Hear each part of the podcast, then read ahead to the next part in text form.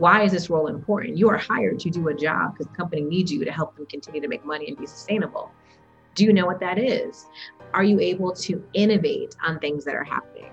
One of my sticks that I always talk about, especially on Instagram, is that you have to be able to make an impact to get promoted. That's what people are looking for. Leaders make an impact, employees do tasks.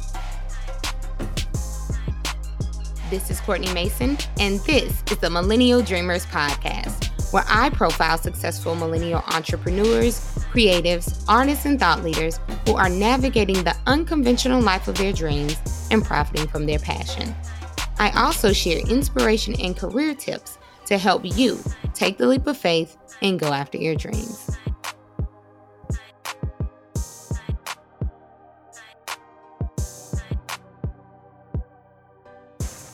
What does making excellence your career standard really look like?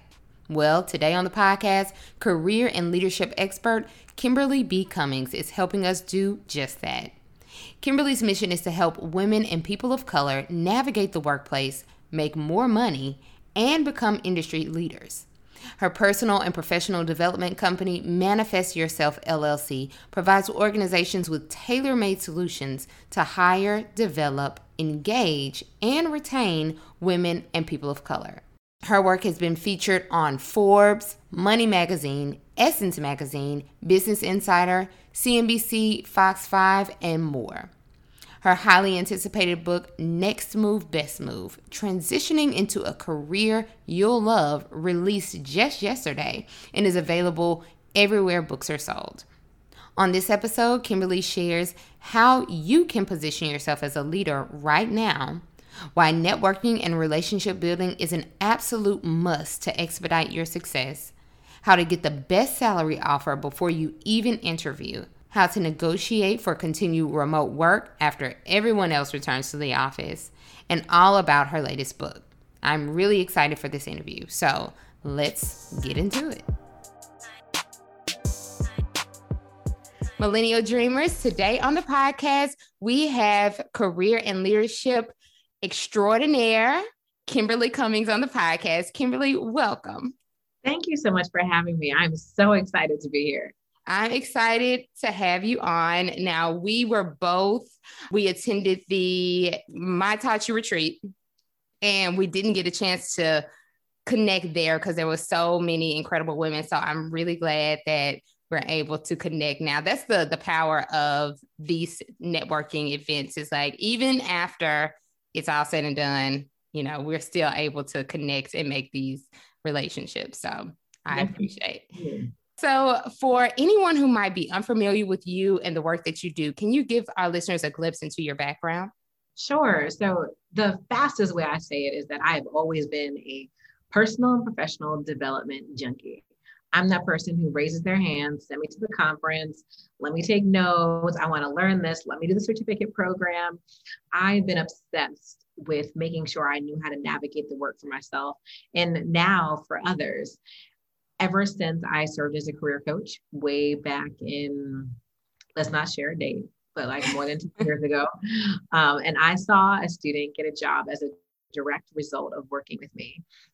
I knew there was more to this. And I thought about how many people who've never had a career leadership coach, someone who's never been able to look at their job search, understand where they are, help them evaluate their skills, position themselves as a leader, and do that work. I was like, I need to I need to dedicate, I don't want to, then I wasn't saying dedicate my life. Now I say that, but I wanted to dedicate my career at that point to helping others do that. So I worked my way up through university career services, working with what I like to say everyone ages 18 all the way through their 60s, because I saw current students, alumni, grad students, you name it, that's who I worked with. Um, and then I transferred into talent acquisition in the diversity and inclusion space for a bit. So I've had the opportunity to work on the, I guess, the client side, working with the individuals, and then working on the corporation side, understanding what diversity, recruitment, retention, and advancement looks like. Um, so that's where all my experiences come from. I always say I'm a teach different because I've literally been trained to work with all different careers. And um, I, except for I'd say lawyers and doctors. Those are the two fields I don't really touch like that. Um, but every other industry I've worked with someone in. Really? And I'm a lawyer. So now I'm like, why does I can do like development, but in terms of like the job search navigation, that's a whole different ball game. But positioning as leadership, advocacy, all of that, I'm always down for the get down. But some of those nuances, I'm like, y'all have resources anyways. So this is true. This is true. So you were, how was that transition from higher education to working with you know larger brands or executive level individuals within your own company manifest yourself? How was that transition as an entrepreneur for you? I loved it. Um, it definitely is a bit of a transition when you start working with all different majors. But again when i was in higher ed um, i work with so many folks outside of students um, when i really branched out and started doing my own company i was just excited to do it my way um, and I know that may sound a little selfish, but when you work with an institution, and I worked at Ivy League institutions for the better part of my higher ed career, you have to be a little nervous, right? Like I could be talking to a student, and honestly, I don't know if their dad donated the building that I was sitting in. Right. So if you disagreed or if you didn't think that the resume should be done this way, you have to always do things the way the institution kind of believes that you should do it. And Granted, nine times out of 10, I believed in those practices, nine times out of 10. But that one time out of 10, there were things that I wanted to share that I felt I wouldn't necessarily be able to in the way that I'd like to. And that's what I love to do with Manifest Yourself. Any client who's ever worked with me knows that I'm a straight shooter. I'm going to tell you when you're doing right, and I'm going to tell you when you're doing wrong, because I want to make sure that you have what it takes and you have the skills needed to rise to the next level. Um, so sometimes that includes a little bit of tough love, and I don't really have to worry about you know the confines of a larger institution when I'm having the career coaching sessions through my company. Which is necessary. We need the tough love so that we can, you know, elevate ourselves and not be coddled. So you've said before that you know in order to elevate within one's career you have to position yourself as a leader. So what does that look like? How can we position ourselves as leaders within our current careers um, in no matter the field? Got it. So most of the time in minority communities and i talk about this a lot in my book we are trained to go to work right? You go to college mm-hmm. you get your degree if you need to, you get a graduate level degree too, and you go to work. You get that good job and you put your head down and you do that job, period. Many of our parents, I don't want to say that they don't believe in or don't support, but they've had trouble almost understanding like moving to a different job. Like, why would you just move to that job? Like, yep. you have a job right now. Aren't you good where you are? Yes. Um, so we have this ingrained sense, even if you've gone against the grain, right? But we learned intuitively to get the job and do the work, just do good work, and you know, good things will happen. You'll get promoted, you'll get the gold watch. And even though many of us are not in that generation, right? Especially our Gen Zs, Gen Ys, millennials, Gen Xs, like we we don't have, even though we're in this society, we kind of still have some of those old school values, like deep, deep down. And what I teach my clients is that you have to move from being an employee and position yourself as a leader. And moving away from being an employee means that you are no longer attaching your skills and your experience to an institution. You are simply lending the organization your skills during your tenure there. You understand where your role fits within the organization at large. So, how are your goals, your tasks contributing to your leaders, to your skip leaders? Why is this role important? You are hired to do a job because the company needs you to help them continue to make money and be sustainable. Do you know what that is? Are you able to innovate on things that are happening? One of my sticks that I always talk about, especially on Instagram, is that you have to be able to make an impact to get promoted. That's what people are looking for. Leaders make an impact, employees do tasks. So, how can you figure out what is it that you need to do in your area, in your arena to innovate, master your role, and ultimately create an impact so that you can move up the quote unquote ladder? Um, or I don't really think it looks like a ladder anymore, but you know, you know what I'm saying, like move about your career to make more money, go into leadership roles, etc that reminds me of when you said about parents. We you know we're taught to just get a good job. That was something that my mom said to me, um, and she she fully supports me now in what I do. But when I originally left my first the first law firm I worked for, and I was saying, you know, I don't have a job, but I'm gonna go out and do what I ultimately want to do, and she was like, why would you leave this job? And I can't, you know. And now when I was, I have gone back to a traditional nine to five, but I have the flexibility now. When I went to that job, she said why are you going back to work? So it was interesting because she, was like, well, why are you? I said, you gave me such a hard time when I left that job. But then she saw that you could, I was happier. I was able to do what I wanted to do and still, you know, make a living and things like that. So she was like, why are you going back? so I always think that's so funny. And it's so true. Um, and so for women, that you mentioned, some women are already in those leadership positions within their companies. And a lot of times we love to celebrate the women who are the first to do something or the only, but we want to move past that now. It's like we should be in more rooms, we should be in more leadership positions. So, how do women who are in leadership positions ensure that they are not the only um, within their company and they're lifting other qualified women and people of color as they climb? So, my opinion may be a little unpopular because I feel like it goes both ways, right? A, kudos to you when you're a leader in an organization. It is hard. Leadership is not easy. Leadership mm-hmm. is hard because it's almost a layer on whatever your corporate or institution, whatever organization you're working at.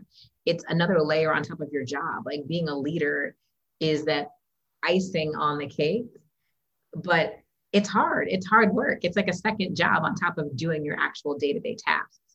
And then being the only, being the first, there is pressure in that alone in the work that you do every single day and how you need to show up and how you need to do it.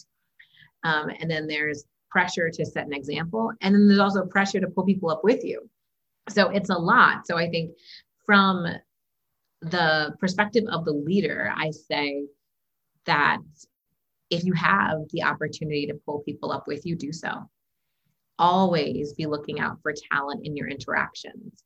If you have the availability, try and find time to connect with who you feel could be your next successor. Adding people to your team is kind of keeping your eyes open and finding a little bit of time to give back. A lot of organizations, they do events, they do panels. See if you can participate in some of those. People want to know what it takes, they want to understand what it's like to be in that role, especially when you're the first in a company and the people have never seen someone look like them in that role. I think it's important to kind of take away a little bit of that smoke and mirrors and allow people to understand that experience every single day. So when you can, find time to give back. Now, on the other side, the people looking up to this person, I think it's so important to do good work. So important. I think that many times people see that person like, oh, I need them to mentor me. Oh, I need them to sponsor me. And they don't think about what they could be doing right now. The best mentees are the ones who are doing everything they can to the best of their ability to kill it in their day to day jobs. They may need help, they may need this, they may need that, but they're showing up in a way that makes that person want to mentor them. And I think it's a little bit of just kind of respecting the person who's there. I think it's hard. And especially as a Black woman leading a team, being the first. I've had situations where people have said, Hey, Kim, like, you you just strive for the best like it's exhausting like it's really hard to be a part of this vision where you're always striving and doing this and doing that but when you're the first you i don't want to say you have to be perfect but, but almost got to do the damn thing. Right. You can't be out here half stepping as the first because the next person who comes behind, there won't be a next person if you don't do it. Exactly. So I think it's also understanding and being empathetic to the pressure that person may be under because as I've been one of those people and it is tough. And I think it's so discouraging when you hear people say, like, I don't understand why this has to be so great, or I don't understand why you're always driving like this or doing it that way. It's hurtful um, as someone who has like done the work to get into one of those roles and is trying to give back or give feedback and it's not respected, I guess. I guess that's the best way to say it. Mm, and but you know, it's because you've made excellence your standard. So people that haven't, they can't really understand why you might be, you know, pushing them to go above whatever their comfort level is. So it's just like it's time to level up if you have someone that you're working with that is at that level. So, and anyone who's listening, as I mentioned at the outset, Kimberly has a new book that's coming out, Next Move, Best Move, Transitioning into a Career You'll Love. And so um, I'm I cannot wait to to you know get it into my hands so I can read everything because I know you're you're gonna be talking about all the things and something specifically that will help us transition into a career we love is networking with other people. Um mm-hmm. in you know in whatever our, our respective fields are networking is really awkward. And it's but it's necessary though in order to grow and have these meaningful connections and create relationships both personally and professionally. So for anyone who's like i'm an introvert. I don't really like networking how can that person get over the angst of networking and make the most of events that will help them create these meaningful connections? So I understand it's awkward, but I will say that you have to do it. Number one, you've got to do it. I, I hate that phrase. What do they say? It's not what you know, it's who you know, blah, blah, blah, blah, blah. Yeah. Um, there's an extent of that, right? Like you still have to know something, but who you know can get you in the door I always say that relationships can expedite your success, is one of the quotes I share in the book. Those relationships layered with being an amazing professional and being a leader in your own right can help expedite whatever goal it is you'd like to reach. And it doesn't have to be awkward. I think you need to find, try and find the commonality. I think reaching out to a stranger, yes, like someone you don't know, almost have no business talking to, no relationship, no nothing, nothing in common, it could be hard. But I think even this conversation, conversation is a prime example, right? We were in a room together mm-hmm. for multiple days, mind you, in another country. Right. Never actually talked to each other. We messaged in a Facebook group, came into an email, and this is our first time having a conversation. Yes. It wasn't awkward. It was like I felt like we had a commonality from the organization that we were at for the event that we were at. And it was like, oh, like I feel like I quote unquote already know you because you were there, I was there, we know the process clearly we could just be best friends. Right. We are just like, hey, hey girl. exactly. So in a of course this is a little bit more casual, but in a professional sense, stop trying to look for the outcome, right? So whether you're looking to work for that person, get invited to something, um, whatever the quote unquote outcome is that you're looking for, stop trying to look for that right away. Start trying to get to know the individual figure out how they got to where they are. So in the professional world, think about, well, how did they get into that job? What was their role before that? Have they always worked at this company? Why have they chose to work at this company for the past five years and not go elsewhere? What do you feel is the number one skill that is needed for someone in your role or in this company? What advice do you have for someone who would be interested in a role like this? And I'm just shooting off like a bunch of questions, all of which are open-ended and could have taken the person 10 minutes to answer. Mm-hmm. But get to know them figure out things that you have in common so you can continue to build that connection. That initial like reach out could be a little tough, but don't get discouraged. And I think networking laterally is just as important as trying to find the super senior people to talk to. So sometimes your peers are the ones who can provide you with the introduction. Um, or the ones who will also be senior one day too. Yeah. So you never know where someone will go. And I think the other thing I always share with people, that if you're networking with someone who is um, much more senior, give them patience and time. Some of my mentors, I've waited three to four months to get on their calendars. And, and yeah. when, yep. And the time gets close and it's probably going to be rescheduled. Right. A couple of times maybe. and you have exactly. to be flexible with them. Exactly. So just be flexible, be persistent, um, and find new rooms to be in. And you know, when the world opens up, I think this is this will go live in June. Um, so some states will be fully open. I'm right. still not ready to be fully open. but when you're in person, make sure when you go to these events, challenge yourself to go by yourself stop going with a group of friends and then you only talk to your friends challenge yourself to go and have great conversation um, and keep showing up it's going to take some time yes that safety blanket you know we have to rip the band-aid off and just say i'm going by myself because it's like you already know your friends, but you didn't come to go. You could go for drinks if you were just wanting to socialize with your friends. Exactly. So that's that's definitely um, an important point and something that's very that you've talked about often, which a lot of people want help on, is salary negotiation. So many women, and especially Black women, are like grossly underpaid in comparison to our male counterparts. It doesn't matter if, you know, we are more qualified, more experienced, more talented, but there is that reality. And it's because of pay inequity, but also because we sometimes leave money on the table at the very outset when the job is first offered. So, what are some things that someone who's, you know, looking or you know, sending their resume out and they get some interviews and now they have a, an offer on the table what are some of the secrets that they can kind of keep in their mind to get the pay that they deserve at the outset got it so the first thing that i will say is if we go back to getting an interview that's when your salary negotiation process begins it does not begin when they give you an offer because your goal is to get an amazing offer your goal shouldn't be to fight tooth and nail at the end.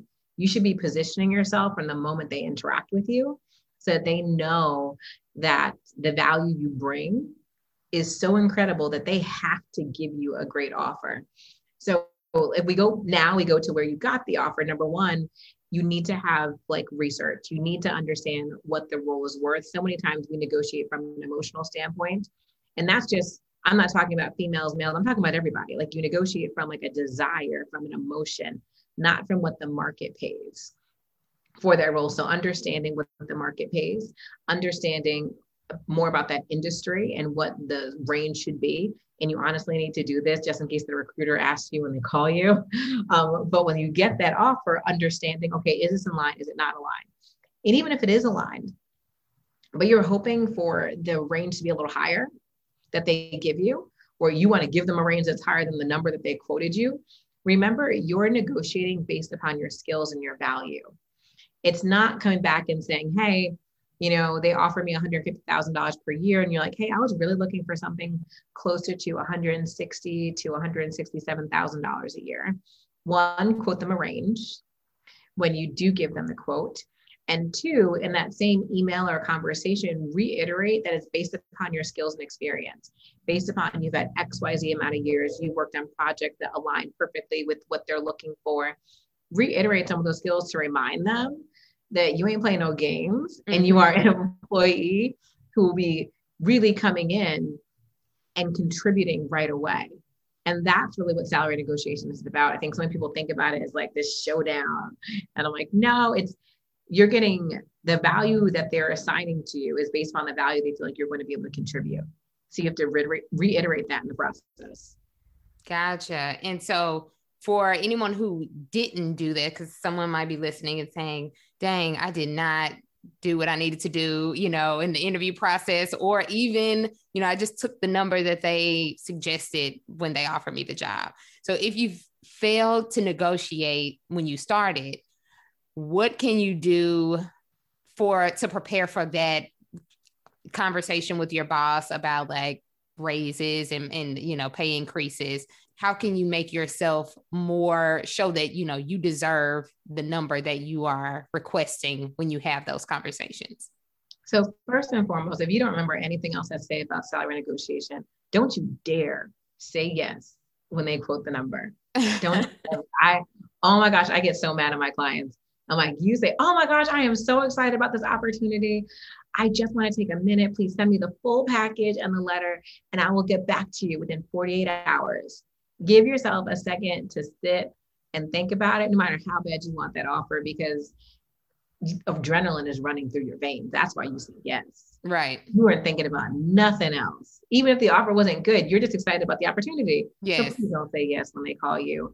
Um, and if you didn't negotiate, and you always should negotiate, and you need to negotiate, look at the whole entire benefits package, not just the number.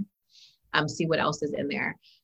When that conversation comes along for your mid-year, end of year, make sure that again, you're coming with receipts. But I think It also starts with understanding what is needed in order to get promoted, in order to get a salary increase. So understand that organization. Make sure you're having conversations with your boss, whether they prompt them or you prompt them. Understand, hey, you know, right now I know I just started this company. I want to make sure that I hit it out the gate. Um, what are next steps for me here? What does the trajectory of my career look like? After this role, can I get promoted in this role? and I'm a manager and I can become a senior manager or a manager and I can do the same work and become a director? Or is it really I have to apply to a brand new role? There's not in role promotion, so to speak. Understand what the culture is like for that and when salary comes into play.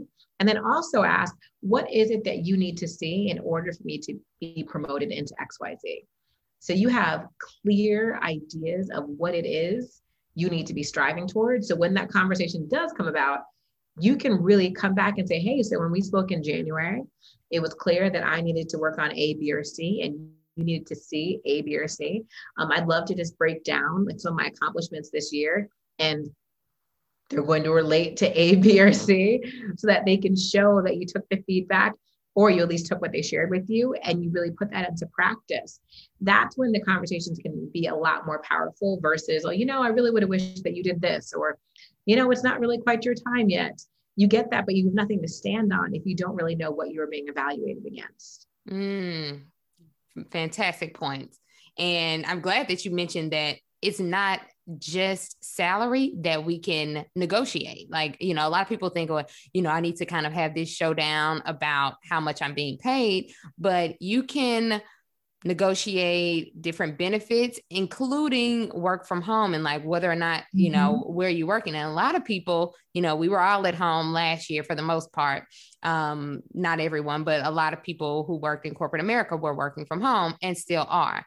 And now a lot of companies are preparing to say, hey, come on back to the office and come on in. And we're like, mm-mm, mm-mm, mm-mm, I, I, I don't want to do that. So, how can anyone who's working virtually and wants to stay, you know, working remotely, how can we convey that we're even more valuable to our companies and we should, you know, be allowed to continue this remote work kind of situation?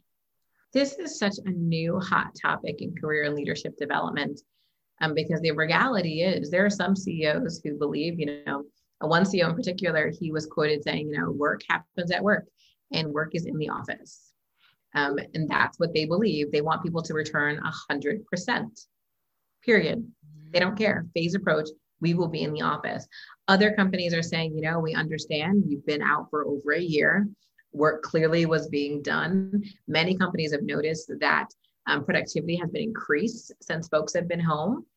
Um, and they're saying, you know, like we want people to come back because like it's a culture thing where we want the culture to still be intact because it's kind of hard to have culture when you're everybody's remote. Right. Um, they're kind of having a flex schedule. So I'd understand like what is your company standpoint? What are they looking for? What are your policies? Some folks they're completely fine with keeping remote work. You have to put in a little request in your ABC, you're good to go. Other folks, uh, we'd like everyone to come in one day. Can you do a day or do you just really not want to? And I think, again, it comes down to the work that you've brought into the workplace this year, showcasing that you are able to continue to do your job at home and just being open and honest. Many companies right now um, have had to be much more sensitive to what employees really want during this time period so I would ask for time with your supervisor, explain um, that you know you've been able to accomplish these three things, like you, or more, during your time being remote, and you would welcome the opportunity to continue to stay remote. Um, if they're a little hesitant, one of the things that I always reiterate to my clients is sharing you know, once meetings are happening again, if anything high stakes is happening for the team, you're more than happy to come in for that and really still engage in that way. Um, sometimes that can help ease the blow a little, little, bit, but then there are some people who I know who've moved out of the state that they were in when they first uh, COVID started. So for yeah. them, a little bit harder. Um, and then other people I know, if if their companies really aren't for it, they're also open to job hunting. Yeah, sure. So I think there's a few different options here, but I think an open and candid conversation. I'm really reiterating the work that you've been able to do is really needed. Got it. So, anyone listening, take that and put a game plan together because I've heard so many people say, I don't know what I'm going to do if they try to make us come back because I don't yeah. ever want to go back to a traditional office setting. So yeah, it's it's just really interesting to see how this all goes. But I'm really excited that you put all of these gems plus more into next move best move so tell us why did you decide to write this book because you've been in your career for over a decade and you know you've been working within this field and just really sharing your wisdom for so long. So, what made you say, I'm going to sit down and put it all in a book?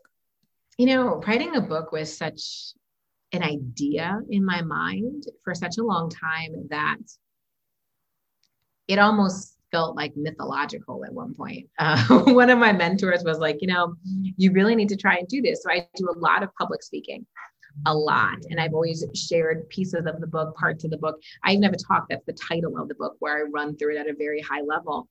And I kept feeling when I was leaving, especially for larger audiences, like I can't work with everyone here. I can't. Um, not everyone can also afford to have a career and leadership development coach. What is a way that I can serve people who need career leadership development on a mass scale? And for me, that was a book. I'm able to break down all of the concepts and things that I work with on with my clients one on one and put it into a book um, and you're able to kind of DIY it, right? Um, at the end of the book, it really brings people through my process. But at the end, you put together your own two year career development strategy to make sure that you could really and truly make your next move after you evaluate your experiences, understand your personal and professional brand. Um, you work on advocating for yourself, salary negotiation, the whole nine. It's literally the process that if you had a a VIP day with me or you're in any of my group coaching programs, you would be learning all this information. And now it's in a book. And I feel like that makes it much more accessible because my goal is that anyone can put together a two year career strategy for themselves and take their career to the next level. We shouldn't always be waiting for our boss or HR or someone else to do it. I don't care if you are an executive assistant or a chief something I think you should always be thinking about what your two year career strategy is. And that's something you can always do for yourself. Gotcha. And there are, excuse me, individuals who are reading, who are listening to this, who are immediately going to get the book because they're like, I, this is exactly what I need. But you also, on that higher level, you have your company, Manifest Yourself, which is a leadership development company. So anyone who's like, I want to work directly with Kimberly, what what how would that process be working with your company so there are a few different ways so i think on the individual side um, i have group coaching programs um, where you go through a curriculum that I built, like built the next move, best move curriculum to help take your career to the next level. Um, it's not necessarily focused on job searching, although many people take it to help with their job search, but it's truly walking you through the steps to position yourself as a leader. And you get a lot of time with me. Um, so, all those things I said about me being very protective of my clients and giving them that tough love, that's what you get in those programs. A limited amount of people also work with me one on one. But on the other side is I'm a lot of corporate work. So, I go into corporations and help them build out leadership development programs, talk to them about uh, recruiting, retaining their talent, and advancing them through the workplace. So if you are um, in a corporation where you know they need some help, like, or you're in HR, diversity and inclusion, and you're looking for someone to kind of help and come in and do some consulting and project work, that's also how my company works. And the last piece is like I do a lot of speaking. So if you have an organization and you want someone to come and give a talk on career principles, I'm definitely your girl. I average about 50 plus speaking engagements a year.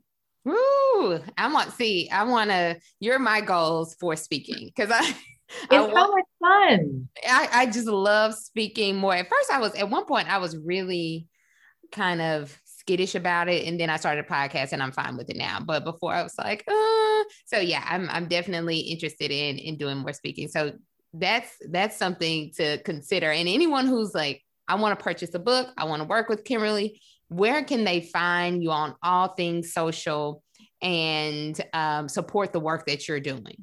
Yes. So you can find me on social, Kim B. Cummings or KimberlyBcummings.com. Um, all of my information is there. If you want to learn more about the company, manifestyourself.com. And the book is available wherever books are sold. So wherever you want to buy a book, Target, Walmart, Barnes and Noble, Amazon, the Audible's coming in July. Anywhere you want to buy a book, you can find Move Best Move transitioning into a career you'll love. Oh, I might need the audible because you have a very calming speaking voice. So I think I would I would want to like hear you kind of like are you or did you book? narrate the book or did someone oh, else? No, I didn't narrate this one. My goal is to do the next one based upon timing. I didn't get a chance to do this one, but the next one you will definitely hear my voice because a lot of my folks have been asking for it. Gotcha. Yeah, because you I can listen to you. I've I've watched a ton of your videos and listened to the podcast. And um and we you also have a podcast. We did not talk about that. Can you mention your podcast? It's also yeah. the same vein of your book and your company. It is. So it's called Your Next Move. Um, and it's all about making sure you can make your next move. So I keep my episodes short and sweet, so they're 20 minutes or less.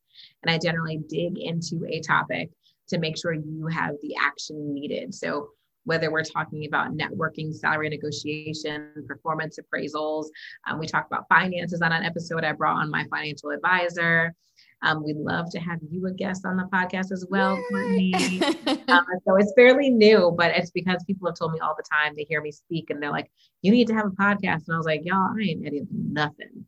Um, but I found someone to help me edit, so I'm able to do the podcast. I just talk and then I send it away. yeah that's the way to do it. I still have not. I I do all the editing right, you know, myself. But Ooh. that's the way to do it. Like record it and send it off, and you don't have to worry about it.